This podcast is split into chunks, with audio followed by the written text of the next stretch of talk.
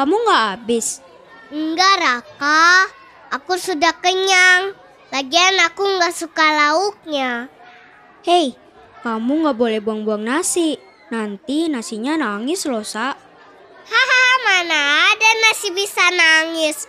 Ada-ada aja deh kamu. Ye, nggak percaya. Nih, aku punya cerita buat kamu tentang nasi menangis.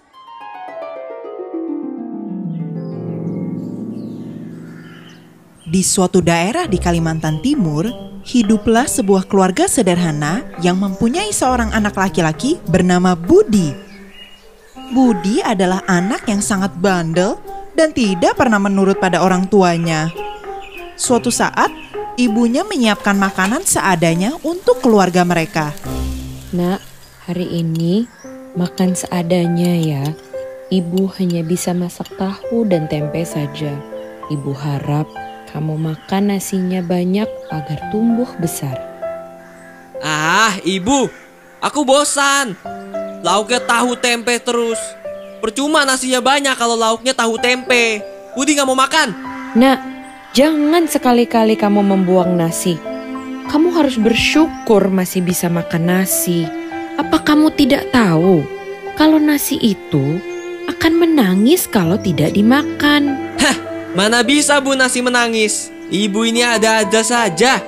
Keluarga ini memiliki sepetak tanah yang tidak ditanami padi. Suatu hari, ayah dan ibu Budi berunding untuk menyewakan tanah itu. Dan kebetulan ada teman ayah yang sedang mencari lahan kosong. Katamu kemarin, kau mencari sebidang tanah kosong untuk kau tanami padi. Bagaimana? Sudah dapat tanahnya? Ah, iya. Aku belum menemukan sebidang tanah kosong itu. Aku punya sebidang tanah kosong yang bisa kau tanami padi. Kau bisa menggunakannya. Tetapi nanti hasil panennya kita bagi dua. Bagaimana? Baik, aku setuju. Keesokan harinya, sebelum berangkat ke sekolah, Budi sarapan dengan lauk ikan yang diberikan oleh ibunya. Budi mengambil nasi yang sangat banyak, dan ibunya berharap ia menghabiskan nasinya. Tapi ternyata Nak, mau ke mana? Nasi kamu belum habis. Ah, tidak bu. Budi sudah kenyang. Kamu ini kebiasaan ya. Budi mengambil piring dan membuang nasi yang masih ada di atas piringnya. Melihat perbuatan anaknya, sang ibu marah kepada Budi. Nak, ibu sudah bilang, jangan kamu buang sisa makanan, apalagi nasi. Kalau tidak habis biarkan saja di situ. Nanti ibu akan habiskan. Ah, sudahlah bu. Kan itu cuma nasi. Kamu tahu tidak betapa susahnya orang menanam padi dan masih banyak orang yang sulit mencari nasi. Seharusnya kamu bersyukur masih bisa makan nasi walaupun dengan lauk yang sederhana ini. Kamu coba lihat petani yang menanam padi. Mereka berjuang untuk menanamnya. Dari pagi sampai sore, mereka menjaganya agar tidak dimakan burung dan bisa dipanen. Tapi ini, kamu malah membuangnya, Nak. Tanpa menghiraukan perkataan ibunya, dengan muka kesal Budi langsung pergi berangkat ke sekolah bersama teman-temannya yang sudah ada di depan rumah. Ah, sudah, sudah. Budi berangkat sekolah dulu, Bu. Setelah Budi berangkat sekolah, ibunya menceritakan perbuatan Budi pada ayahnya. Ya, kenapa Budi sepertinya berbeda dari anak lainnya ya? Dia selalu saja membantah kalau dinasehati apalagi pada waktu makan. Kalau lauknya tidak sesuai dengan kemauannya, dia tidak mau makan. Begitu sebaliknya, kalau lauknya enak, dia tidak pernah menghabiskan nasinya dan membuangnya. Apa kita salah mendidiknya ya? Sehingga Budi jadi seperti itu. Ibu tidak boleh berpikiran seperti itu. Kita harus sabar dan ikhlas dalam mendidiknya. Yang penting, kita tidak boleh lelah dan terus menasihatinya dengan baik. Sore hari, Budi pulang dari sekolah. Sesampainya di rumah, ia teringat ucapan ibunya dan bergumam dalam hati. Hmm, mana mungkin nasi bisa menangis? Sepertinya ibu hanya menakut-nakutiku saja agar aku menghabiskan nasi yang aku makan. Keesokan harinya, Budi dan ayahnya pergi ke ladang untuk menemui orang yang ingin menyewa ladang mereka. Halo, kamu namanya Budi? Betul pak, saya Budi. Kalau kamu melihat padi yang sudah mau dipanen, memang kelihatan mudah. Tapi perlu kamu tahu Budi, menanam padi itu juga harus melihat musim. Selain itu, para petani juga akan kewalahan seandainya padi yang ditanam dimakan oleh burung. Maka dari itu, petani menjaganya setiap hari. Pak, apa betul kalau kita menyia-nyiakan nasi, sebetulnya nasi itu menangis? Lalu teman ayah Budi bercerita tentang nasi yang bisa menangis. Dan Budi pun mendengarkannya. Dahulu kala, ada seorang petani yang sedang menunggu waktu panen padinya. Dan pada sore harinya turun hujan sangat lebat, disertai dengan angin kencang. Sayup-sayup petani itu mendengar ada suara tangisan anak kecil yang menggigil kedinginan. Lalu petani itu menemukan sumber tangisan itu. Ternyata berasal dari padi yang terombang-ambing karena angin dan hujan deras. Jadi, benar padi itu bisa menangis. Belum selesai ceritanya. Petani itu masih belum percaya kalau padi itu bisa menangis. Lalu dia mencoba membuktikan dengan menutupi padi-padinya dengan terpal. Sekejap tangisan itu berhenti. Kemudian saat panen tiba, petani pun menjual padi yang sudah digiling ke warung-warung dan sebagian dimakan sendiri. Lalu apa yang terjadi pak? Pada saat petani itu memasak padi itu jadi nasi, secara tidak sengaja ada beberapa butir nasi yang jatuh ke lantai. Seketika petani itu dan istrinya terkejut karena nasi yang jatuh itu menangis. Ah, aku masih tidak percaya. Mana ada nasi yang bisa menangis? Hari sudah mulai sore. Ayah Budi mengajaknya pulang dan mereka pun berpamitan kepada teman ayahnya. Sesampai di rumah, Budi masih berpikir keras tentang cerita itu. Keesokan harinya, seperti biasa Budi berangkat ke sekolah. Dan ia pun bercerita tentang nasi menangis kepada teman-temannya. Teman-temannya heran tidak percaya akan cerita itu. Begitu pula Budi. Akan tetapi, muncul tekadnya untuk mencari tahu tentang kebenaran cerita itu. Tidak seperti biasanya ia langsung bergegas pulang. Di tengah perjalanan, ia bertemu dengan seorang petani yang akan pergi ke sawah. Pak, perkenalkan, saya Budi. Saya mau minta izin. Apakah saya boleh membantu Bapak di sawah? Oh, boleh, Dik. Dengan senang hati. Terima kasih, Pak. Hari-hari selanjutnya, Budi mulai membantu petani itu di sawah. Ia menanam bibit padi hingga menunggunya tumbuh. Hari-hari Budi dihabiskan di sawah. Lama-lama, ia merasa jenuh. Seperti inikah perjuangan para petani padi? Sabar sekali mereka. Aku yang baru dua bulan saja sudah merasakan susah. Bagaimana dengan mereka? Ah, aku harus tetap semangat. Memasuki bulan keempat, kedua orang tua Budi mulai merasa curiga dengan Budi. Ayah, beberapa bulan lalu ini aku perhatikan Budi sedikit berbeda dari biasanya. Ada apa dengan Budi ya, ya? Benar, Bu. Aku juga merasa begitu. Biasanya pulang sekolah ia bermain dengan teman-temannya. Tapi sudah beberapa bulan ini ia tidak lagi bermain bersama teman-temannya. Besok coba aku ikuti ke mana Budi pergi selepas jam sekolah.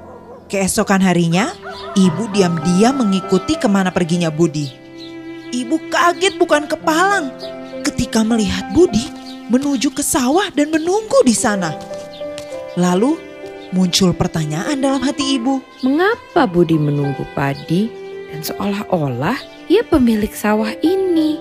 Ada apa dengan Budi? Hari sudah petang, saatnya Budi pulang ke rumah.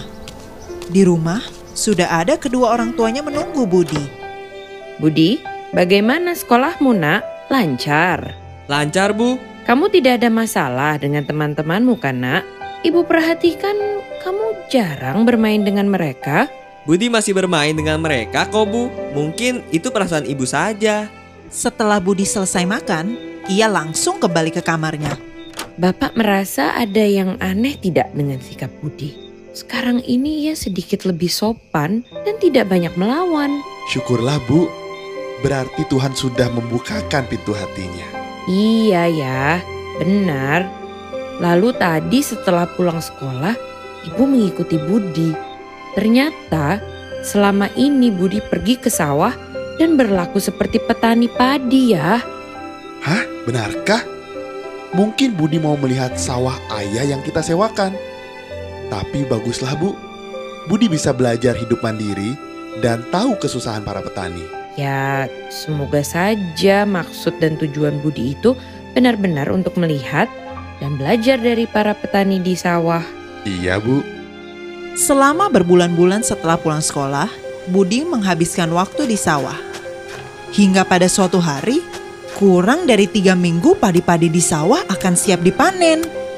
Budi hendak pulang ke rumah sebelum petang. Tapi ternyata muncul hujan deras dan angin kencang.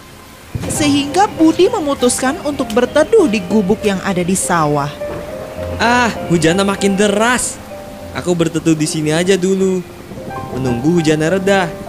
Di tengah-tengah hujan yang lebat, ia mendengar ada suara tangisan yang membuat bulu kuduk Budi berdiri.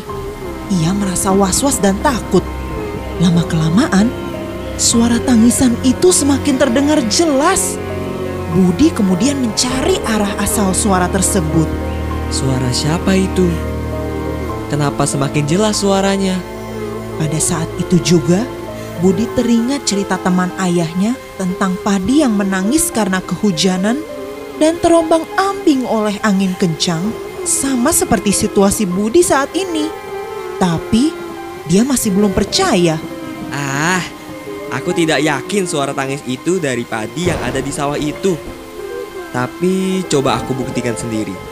Akan kututupi padi-padi itu dengan terpal ini. Tidak disangka-sangka, ternyata suara tangisan itu berhenti. Rasa takut Budi pun hilang perlahan-lahan.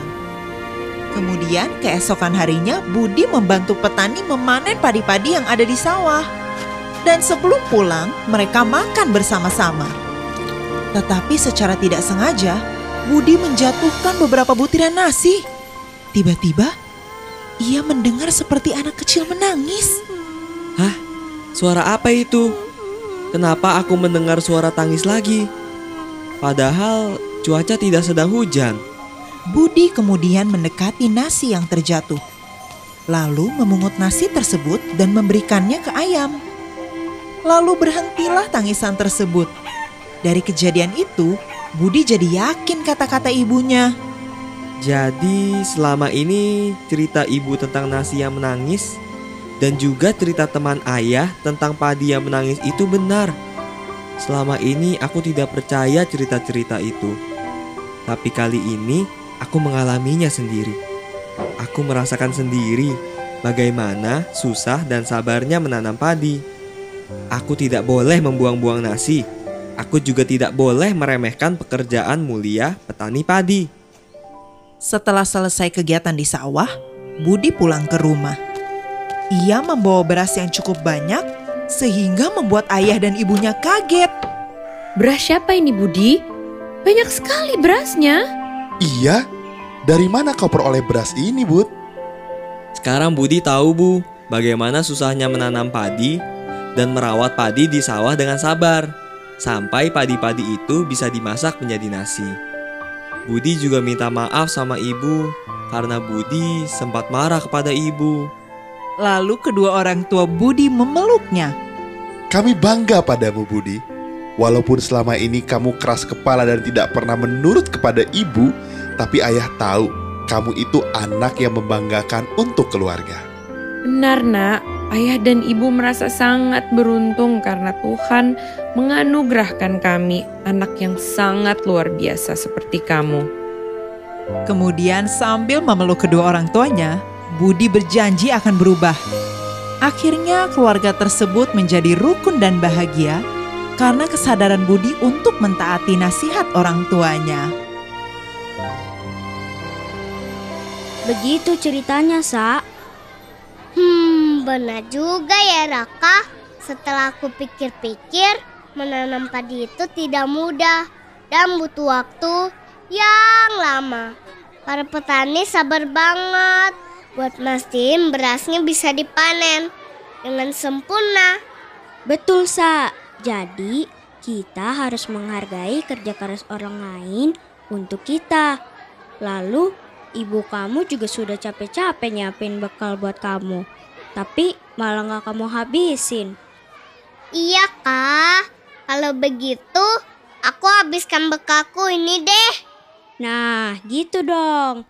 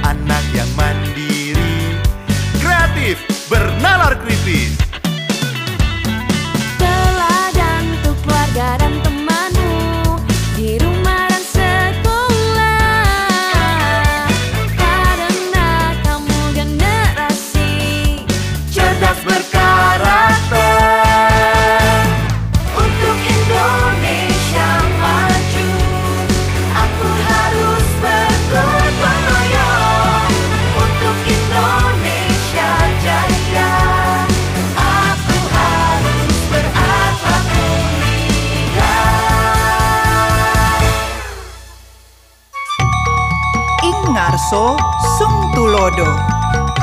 Ing madya mangun karso. Tut Muri Handayani Ki Hajar Dewantara.